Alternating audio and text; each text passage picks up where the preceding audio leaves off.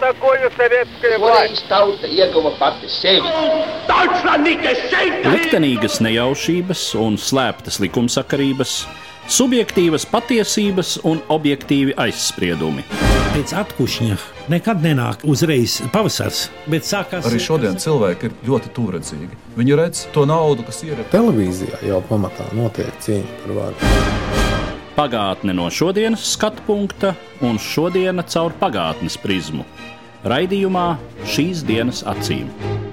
Katru svētdienu Latvijas radio eterā Eduards Liniņš. Labdien, cienījamie klausītāji! Turpinot mūsu sarunas par 1919. gada rudens notikumiem Rīgā un Latvijas rietumdaļā, proti par cīņām pret Bermuda armiju, jeb Rietumkrievijas brīvprātīgo armiju, kā tā oficiāli sevi tobrīd dēvē, mēs esam nonākuši pie mūsu otrās sarunas, kas būs veltīta Bermuda spēku sakāvei Rīgā. Un mans sarunbiedrs studijā vēsturnieks Valdis Kusmins. Labdien! Labdien! Mūsu iepriekšējā sarunā mēs tikām līdz brīdim, kad pēc Bermuda uzbrukuma oktobrī Latvijas armija nostiprina frontes līniju Rīgā un īsteno arī pretuzbrukumu pāri Daugavai, ieņemot Daugaugrīvu. Tad uz kādu laiku šī kara darbība apstājas. Latvijas armijā tiek īstenota diezgan plaša komandējošā sastāva nomaiņa, ar to mēs arī varētu sākt. Kadru nomaiņa sākās jau uzreiz pēc nesekmīgās pārdagavas aizstāvēšanas, un šie daļēji sekmīgie uzbrukumi pāri Daugavai 1919. gada 14. un 15. oktobrī jau notika šīs jaunās vadības organizēta. Mēs diezgan sīki runājām par šiem uzbrukumiem, nesekmīgiem uzbrukumiem pār dzelztiltu, daļēji sekmīgo desanta operāciju pie Katla kalna kapiem un, varētu teikt, ļoti sekmīgo desanta operāciju 15. oktobrī Daugogrības cietoksnī, kas tika ieņemts, pēc tam tiek ieņemta Bolderāja un arī tiek ieņemta tā saucamā kāpa kas atrodas uz dienvidiem no buļbuļs. Tātad šo jau plānoja jaunā vadība. ģenerālis Mārtiņš Peniņš, Latvijas divīzijas komandieris Krišāns Berķis un pulka komandieri tie paši 9. reizeknas kājnieku pulka komandieris Ludvigs Bolšteins, 8. Daugopils kājnieku pulka komandieris Krustiņš.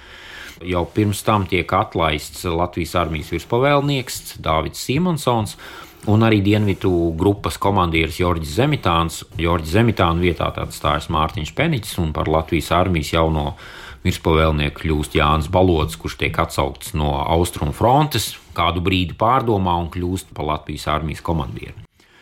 Tā drīzāk, kas bija svarīgākais, lai izprastu Latvijas armijas panākumu, kā no manuprāt, sakāvis oktobrī līdz tādai ļoti sekmīgai uzbrukuma operācijai novembrī nonāca, ir saistīts ar jauno Latvijas armijas štābu priekšnieku. No Ukrainas ierodās pulkvedis Pēters Raziņš, kurš jau Pirmā pasaules kara laikā beidzis Krievijas ģenerālštāba akadēmiju un bijis ļoti izglītots pēc neatkarības kara ļoti pazīstams kā publicists, un arī mūsdienās viņa raksti, piemēram, par notikumiem Ukrajinā, par karavīru audzināšanu, ļoti plašs klāsts, par ko viņš raksta.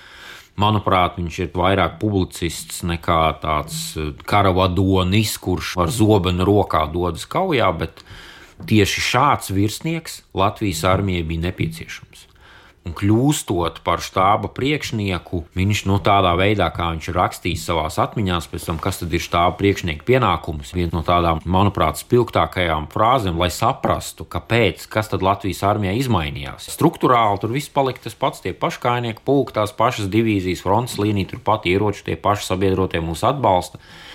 Bet, lai saprastu, to lielo pagrieziena punktu, viena no detaļām, ko Pēters Raziņš savā atmiņā raksta, ka štāba priekšnieks tajā brīdī, kad kaujas pavēle tiek aizsūtīta vienībā, kā parasti naktī, jo viņš uzskatīja, ka štābs strādā pa naktīm, bet karaspēks karo pa dienām. Tāda pavēle ir aizsūtīta, pieņemsim, kauja sākas 8 no rīta, tad štāba priekšnieks un visa štāba pienākums ir iet gulēt. Nevis nervozēt un staigāt turp šurp, gaidot, kad pienāks pirmie ziņojumi par panākumiem, jeb nepanākumiem. Pavēle ir aizsūtīta, neko vairs darīt nevar, visiem ir jāiet gulēt. Kauja būs notikusi 3-4 stundas, būs redzami pirmie panākumi vai neveiksmes, ienāks pirmie ziņojumi, tiks apkopoti, un tad, kad šie dokumenti tiek nolikti uz galda, tad štābs un štāba priekšnieks ar saviem darbiniekiem ar svaigām galvām ceļās augšā un, teiksim, agrā pusdienas laikā sākt strādāt ar tiem dokumentiem, kas ir viņiem redzami, un sākt pieņemt lēmumus, kas būtu uzlabojams un kas būtu jādara. Un, ja mēs skatāmies kaut vai vienkārši uz pavēļu struktūru, dokumentu. Nu, šodien mums ir daudz radiosakari, un armija tiek vadīta dažādi varianti, kā to darīt. 1919. gadā armija tika vadīta ar papīra lapa un mašīna rakstītājā, ja mašīna rakstītājas palīdzību. Tātad pavēle tiek uzrakstīta, pavēle tiek nosūtīta. Šo produktu, dokumentu saņem kāds cits komandieris, viņš izlasa, un tad vai viņš saprot, kas tur ir rakstīts, vai viņš nesaprot, kas tur ir rakstīts, un tad mēģina improvizēt, kā to visu tālāk nodot saviem padotajiem ar tieši šādiem pašiem produktiem. Un produkts, ko mēs redzam, kas tika radīti oktobra beigās un novembra sākumā, ir stipri loģiskāk, viņiem ir redzams komandiera nodoms. Iepriekšējā mēs reizēm runājām, pavēlē, ar kuru tika sākts 15. oktobra uzbrukums, tiek minēta frāze: cerams, ka pretinieks atkāpsies. Šādas frāzes mēs vairāk neredzam. Virspavēlnieks vairs necer, un štāba priekšnieks arī necer. Viņš ir pārliecināts par panākumu, viņš dod konkrētus uzdevumus un sagaida konkrētu izpildi. Un tas ir arī ļoti būtiski. Ja mēs skatāmies tālāk, arī Jālgavas atbrīvošana, arī Latvijas atbrīvošana, tur, kur armijas štāvs bija iesaistīts, mēs redzam šādu pārliecinošu karaspēku vadību ar tiem vadīšanas līdzekļiem, kādi viņiem bija pieejami.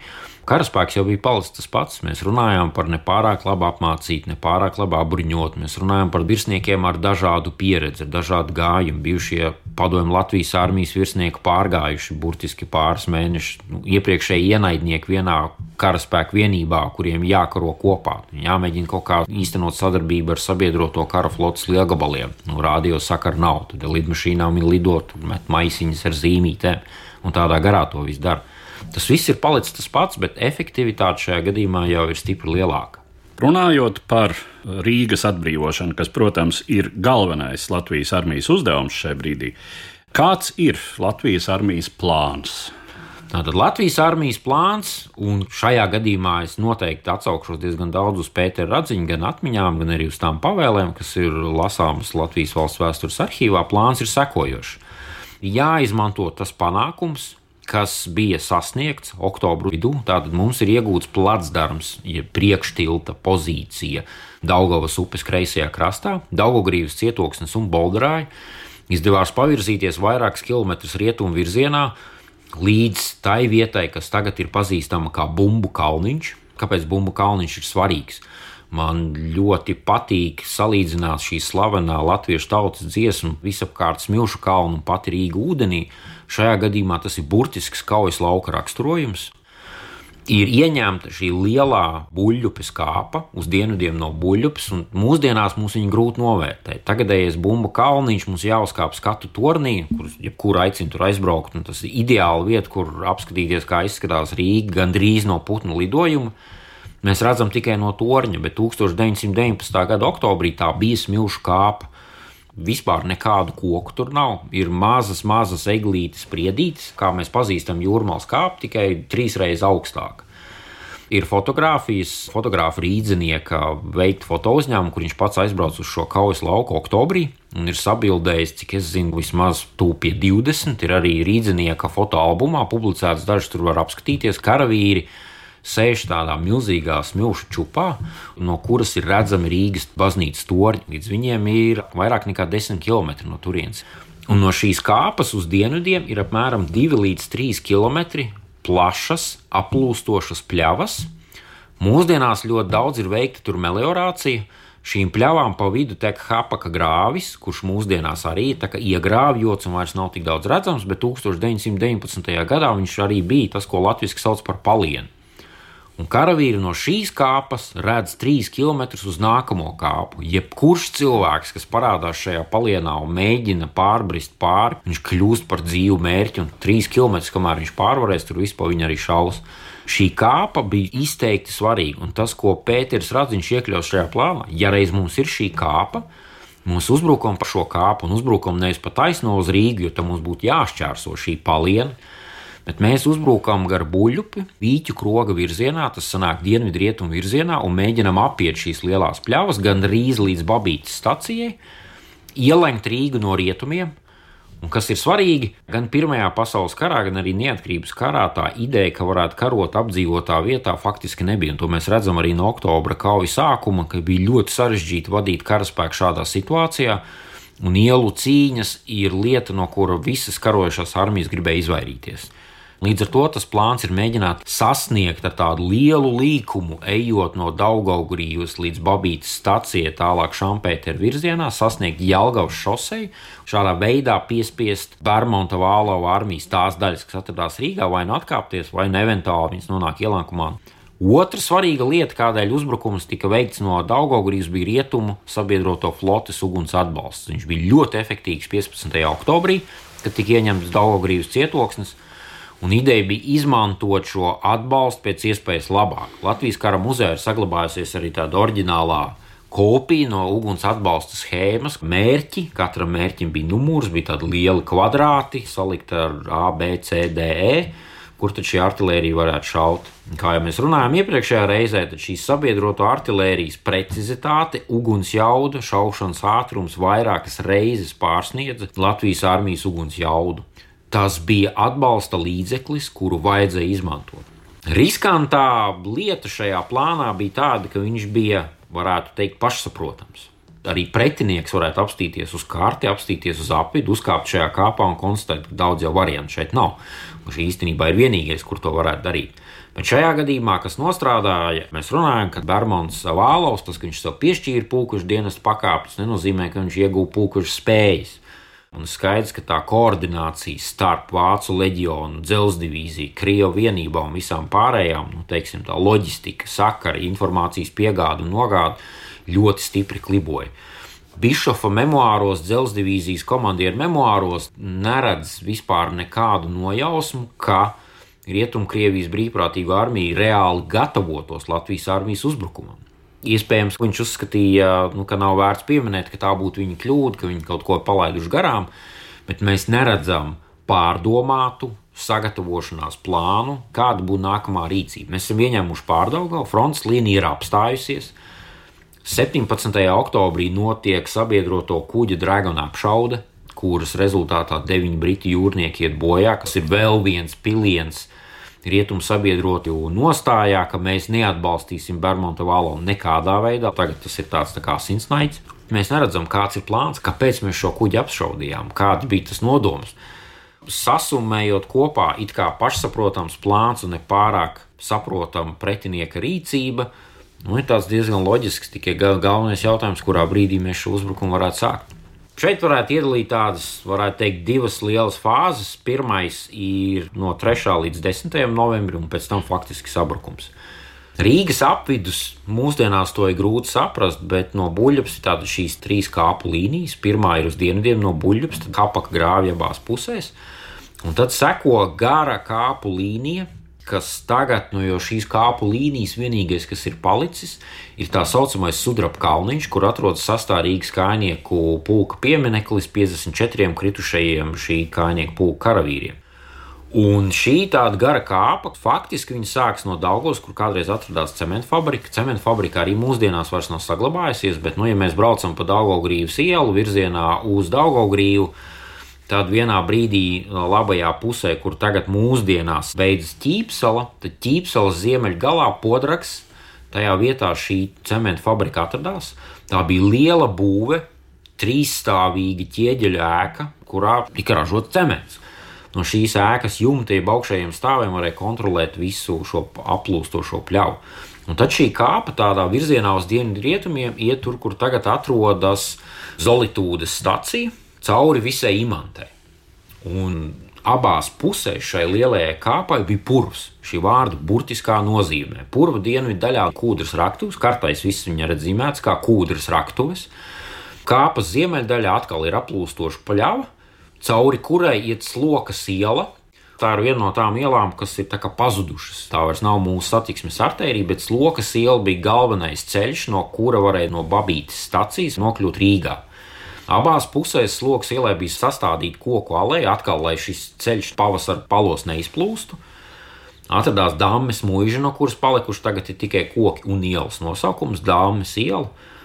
Un tad šis pirmais uzbrukums, 3. novembra uzbrukums, bija faktiski vissekmīgākais. Viņam izdevās nokļūt gandrīz līdz Babītas stacijai. 7. Sigūdas kājnieku pulks nesekmīgi uzbruka cementu fabrikai un turpināja nesekmīgus uzbrukumus gandrīz veselu nedēļu. 8. un 9. kājnieku pulku uzbruka gar šo kāpu, tādā veidekļa veidā, no ļoti šauras kāpas, tad viņi izvērsās pēc iespējas plaši. 6. Rīgas kājnieku pulks atradās rezervē rietumu virzienā viņi uzbruka diezgan tālu, bet Rīgu ieņemt viņiem uzreiz neizdevās, jo šo kāpu ieņemt bija ļoti sarežģīti. Tā atkal ir kāpa, priekšā ir no pusotra līdz divu kilometru garš līdzens aplūstošs lauks, faktiski pļava, kas te arī tika izmantot lopu ganībām vai citām vietām kūdras purvam. Un šo te pļāvu līdz pat faktiski 10. novembrim ieņemt neizdevās. Ļoti asiņaini uzbrukumi notika, tie mēģinājumi ieņemt Līdz brīdim, kad tika sasniegta dzelzceļa līnija pie tagadējās Imantas un Zolītūdas stacijas, un tikai tas bija tas brīdis, kad Jēgera bataljons beigās šo kāpu atstāja un sastais Rīgas kājnieku pūks kāpu ieņem. Un nākamā līnija, kur viņi varēja nostiprināties, ir Rīgas Daugogrības dzelzceļš. Dzelzceļa uzbērums, tur, kur tagad arī vēl iet otrais tramvajs, viņš kalpoja par dabisku šķērsli. Tātad šajā vietā kaujas sākās 10. novembrī. Un no 10. novembra, faktiski no rīta līdz 11. novembra vakaram, sākas, kā jau minēju, tas no kā visi karadavoņi gribēja izvairīties. Sākās haotiskas ielu cīņas, kurās īstenībā neviens karavadons nekontrolē, kas notiek, un to mēs redzam arī no pulku ziņojumiem, kad ir pulku ziņojumi ļoti precīzi no brīža, kad viņi ieņēma kāpu, sāk virzīties no kāpas virzienā uz Daugogrības dzelzceļa līniju, un pēc tam sākas hauss. Piemēram, viena no vienībām, kas pirmā sasniedza Rīgas tiltus, bija sastā Rīgas kājnieku pulka rota virsleitnanta Friča avotiņa vadībā, kas šķērsoja šo dzelzceļu pie Kandavas ielas. Tagad šī Kandavas iela ir tāda pat knapi nojaušama. Tā ir iela, kas iet gar botānisko dārzu, bet tagad tur ir uzbūvēta jaunā jūrmālas gatava. Tad tā iela te viņa ir, te viņas nav. Pa šo ielu viņi sāka virzīties, aizgāja līdz Slokas ielai. Tur tika pārsteigti vācu karavīri, kas atkāpās no Dzeguškalna puses, un pēc tam pa Slokas ielu viņi arī aizgāja tālāk. Slokas iela, Kaunciem iela, Raņķa dambis, aizgāja līdz pat pašiem Rīgas tiltiem naktī no 10. uz 11. novembri. Aizjot līdz Rīgas tiltiem, nonākot tajā saucamā Jāgaunas priekšpilsētā, kas man arī faktiski bija sala, tur, kur tagad ir uzvaras parks, tās arī bija aplūstošas pļavas, tur, kur Mārupīti ietek uh, Daugavā. Rāņķi dāmiņi tur nonāca konstatēja, ka jā, mēs esam tikai viena rota, mums ir ievainoti. Viņiem bija arī gūstā kritušie vācu karavīri, kur vienā panikas brīdī karavīri gribēja jau šaut nost, jo nu, viņi bija kļuvuši par apgrūtinājumu. Komandieris teica, ka šaut mēs viņus nost nevaram. Tur bija tāda vesela diskusija, ko mēs ar viņiem darīsim. Un tajā pašā naktī viņi jau ar lielākiem zaudējumiem atkāpās faktiski līdz pat pašai dzelzceļa līnijai. Vācieši viņus turpceļā nepamanīja, viņi tur saņēma gūstā kaut kādas ložmetējniekus, bija haotiskas apšaudes, pa vidu tur kādi vācieši mēģināja padoties nepārāk sekmīgi. Viņa apraksts par to viņš beigās saņēma Lāčplēša kara ordeni, bet tas apraksts ir tieši tik precīzs, lai saprastu, kāpēc neviens šīs kaujas pilsētu vidē negribēja pieļaut, jo tā bija laimes spēle. Un šajā gadījumā, tad, kad naktī no 10. uz 11. šādas latviešu vienības, enerģisku, drosmīgu rotu komandieru vadībā sāk meklēt laimi ielu cīņās, tad varētu teikt, dzelzceļa komandieris zaudē pārliecību par saviem spēkiem, jo viņu vienības atrodas tieši tādā pašā haotiskā situācijā. Un šajā brīdī tiek dot pavēle atkāpties, kas notiek ar mainīgām sekmēm. Lielgabalu baterijas, kas gandrīz veselu mēnesi apšaudīja vecrīgi no Dzeguškalna rajona, tiek saņemtas gūstā. Sastārīgas kājnieku pulka vienības aiziet un šīs lielgabalu baterijas sagrābj.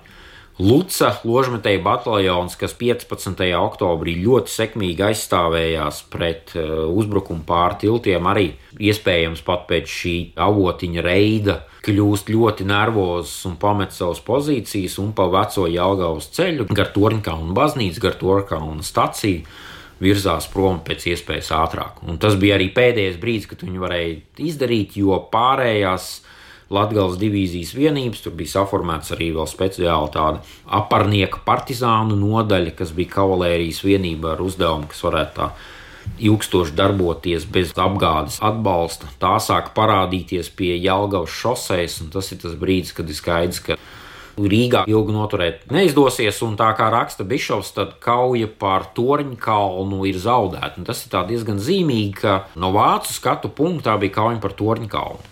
Mums šodien pārdaugava ir kā neatņemama Rīgas sastāvdaļa.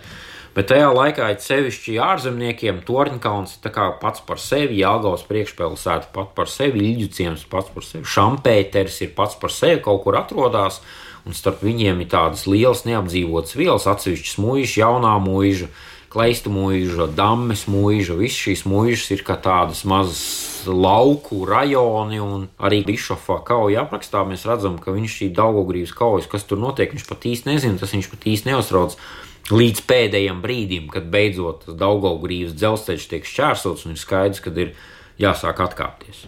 Faktiski jau tomēr galvenais uzbrukuma virziens tomēr ir turpinot šo pusloka kustību apkārt Tornkalnam, savienojoties ar tiem spēkiem, kas savukārt uzbrūk no Katla kalna puses, No Katra kalna puses tas uzbrukums bija daudz mazāks, jo problēma, ko arī Radziņš rakstīja par šo 10. novembra situāciju, ir tā, ka ja uzbrukuma sākumā, 3. novembrī, mūsu spēkiem bija liels skaitliskais pārsvars uz šīs kāpas un uguns atbalsts rietumu sabiedroto kuģi, jo tālāk mēs gājām dienvidu rietumu virzienā, jo mazāks palika šis atbalsts, jo distance palielinājās, grūtāk bija šo vadīt un jo mazāks paliek mūsu pārsvars. Viņa tādā veidekļa veidā.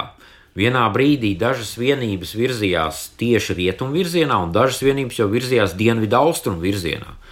Un īstenībā šis bija tas brīdis, ja Bermuda vālo vietā būtu kāds talantīgāks, agresīvāks komandieris, kas spētu nodrošināt sadarbību, tad Latvijas armija īstenībā atradās tādā ļoti īstenībā vārgā situācijā. Bija vietas, kur varēja sākt sekmīgu pretuzbrukumu, Kā jau minēju, sākumā tas plāns diezgan daudz balstījās uz tādu kā blefu. Mēs sasniedzam Jāgaus šoseju, un mēs ceram, ka pretinieks zaudēs savus nervus un atkāpsies no Rīgas. Jo, ja pretinieks izdomātu nevis atkāpties, bet ar visiem dzelzceļa divīzijas trījiem kājnieku pūkiem, piemēram, uzbrukt gar dzelzceļu šampētera virzienā, jeb gar dzelzceļa dammes mūžas virzienā, tad ir liela iespējamība 3 km sasniedzot vīģu krogu Visas tās vienības, kas ir uz rietumiem no Vīķa kroga, no šīs lielās kāpes, 9. kājnieku pūks, 8. kājnieku pūks, viņas atrodas faktiski ielēkumā. Un šis bija tas brīdis, kad īstenībā izšķīrās, kurām komandierim ir drošāka vadības sistēma, kā mēs komandējam vienības, kā mēs saņemam ziņojumus, kā šī informācija pienāk, kā notiek informācijas apmaiņa, kurš kontrolē situāciju daudz drošāk un kurš ir gatavs pieņemt riskantus lēmumus. Un acīm redzami, Latvijas armija šajā brīdī tika daudz efektīvāk vadīta un kontrolēta.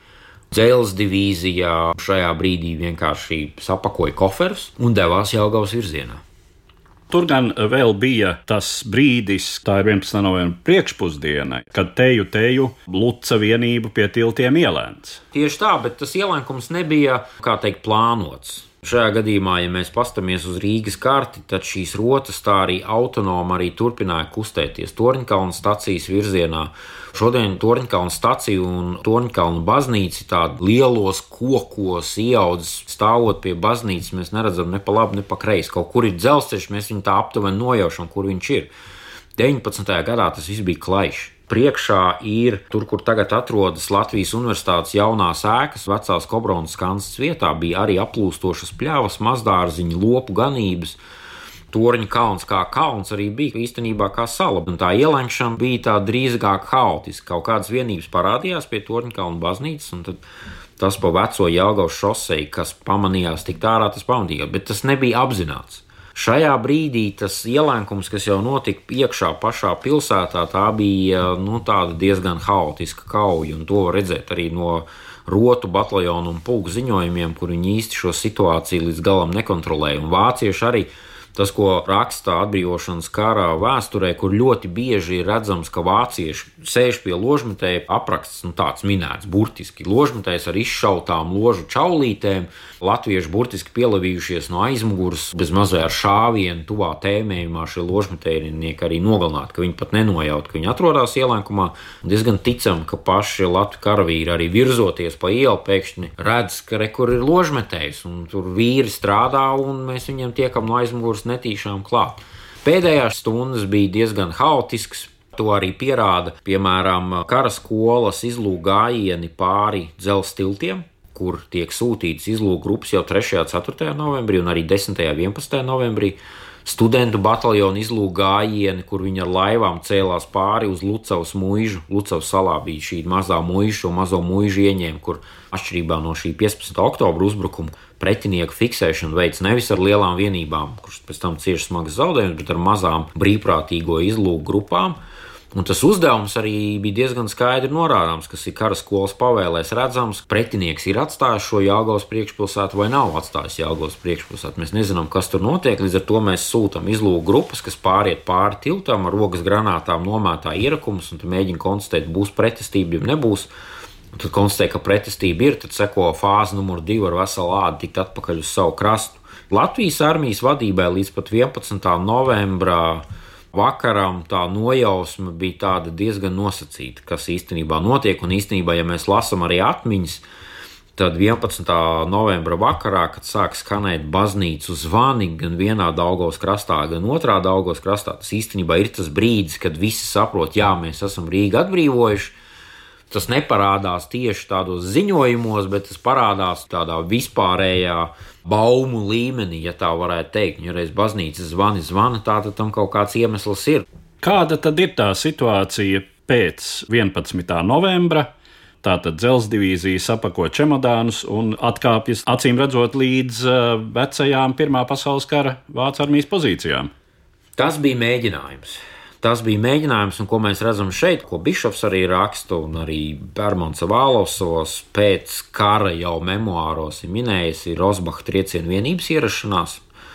Vēl viena vācu brīvprātīgo vienība, vēl viens Freikorps, kurš jau pirms tam sāka ierasties Jālgavas apkārtnē, bet tā bija vienīgā rezerve, kas viņam palikusi, kas arī norāda uz šī komandiera nepārāk pārliecinošo vadības stilu, ka pēdējā brīdī, ja nebūtu bijis šis bataljons, un tā tiek aprakstīts, ka viņi bija mūsu glābēji, ja, kas ieradās un devās pretriecienā.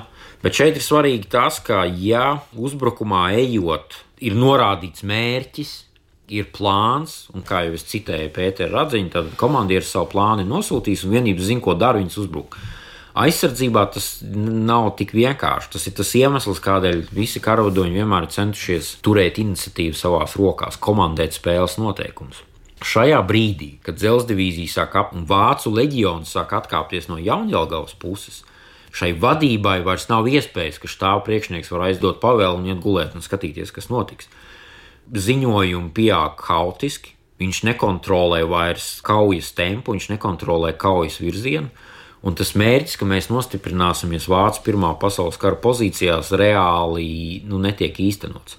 Pietrūkst koordinācijas, pietrūkst plāna, kurš kurā vietā kad apstāsies. Un īstenībā visas šīs kaujas, gan pie olainas, latviešu kājnieku pulki, un šajā brīdī mēs jau runājam ne tikai par Latvijas divīziju pastiprināto, kurai būtu sastais kājnieku pulks, bet šeit mēs runājam arī par 4. Valmieras kājnieku pulku, par atsevišķām no austrumu frontes noņemtiem bataljoniem, kas jau virzās gar Jēkabpils Jelgavas dzelzceļa līniju jau rietumu virzienā. Šajā brīdī jau iniciatīva Latvijas armijas pusē un ieņemt pozīcijas, tā ka mēs apstājamies un mēs zinām, ka kaimiņš pa labi un pa kreisi arī apstāsies uz šīm pozīcijām, tas faktiski nenotiek. Līdz ar to šī Pirmā pasaules kara pozīcijas ieņemtas reāli netiek. Fronts līnija apstājas Jāgaunas pievārtē un sākas kaujas par Jālgaunu. Tas bija galvenais Rietumkrievijas armijas atbalsta punkts no loģistikas viedokļa. Tātad dzelzceļa līnija, kas iet no Jālgaunas šauļiem tālāk uz Vāciju, tas bija galvenais apgādes punkts. Jelgavā ilgstoši bija Rietumkrievijas brīvprātīgo armijas štābs, tur arī atradās pats Bermons Vālaus. Un šajā brīdī parādās arī no Latvijas armijas puses, ja mēs skatāmies uz šo kauju gaitu no 12. līdz 18. novembrim, kad reāla kauja sāks, ir arī no Pētera Radziņa skatu punktu, ko viņš arī raksta savos memoāros, ka šis bija tas brīdis, kad mums vairs nebija laika izstrādāt jaunu plānu, kurā mums būtu atkal spēka koncentrācija vienā konkrētā vietā. Ka faktiski mēs sekojam pretiniekam tajos uzbrukuma sektoros, kādi ir noteikti, kādi kā de facto bija izveidojušies, kur 9, 8, 7 un tā tālāk pulki. turpinām virzīties Jālgavas virzienā. Mēs neveidojam tādu smakpunktu, bet mēs ceram, ka pretiniekam, nedodot iespēju kaut kur aizķerties un pārgrupēties, mums izdosies viņu izdzīt no Latvijas teritorijas. Un šajā gadījumā tas ir diezgan svarīgi, ka Pētera radziņa skatu punktā Viņa kā militārā vadītāja skatu punktā bija Vācijas bruņotie spēki, kā viņš viņus uzskatīja faktiski, un kas de facto arī 19. novembrī, kad Bermans Vālos atkāpjas no komandiera amata, de facto viņi kļūst par Vācijas bruņotajiem spēkiem. Neskatoties ne uz kādiem piedāvājumiem, mums tomēr ir jāturpina uzbrukumi, līdz visa Latvijas teritorija tiek atbrīvota.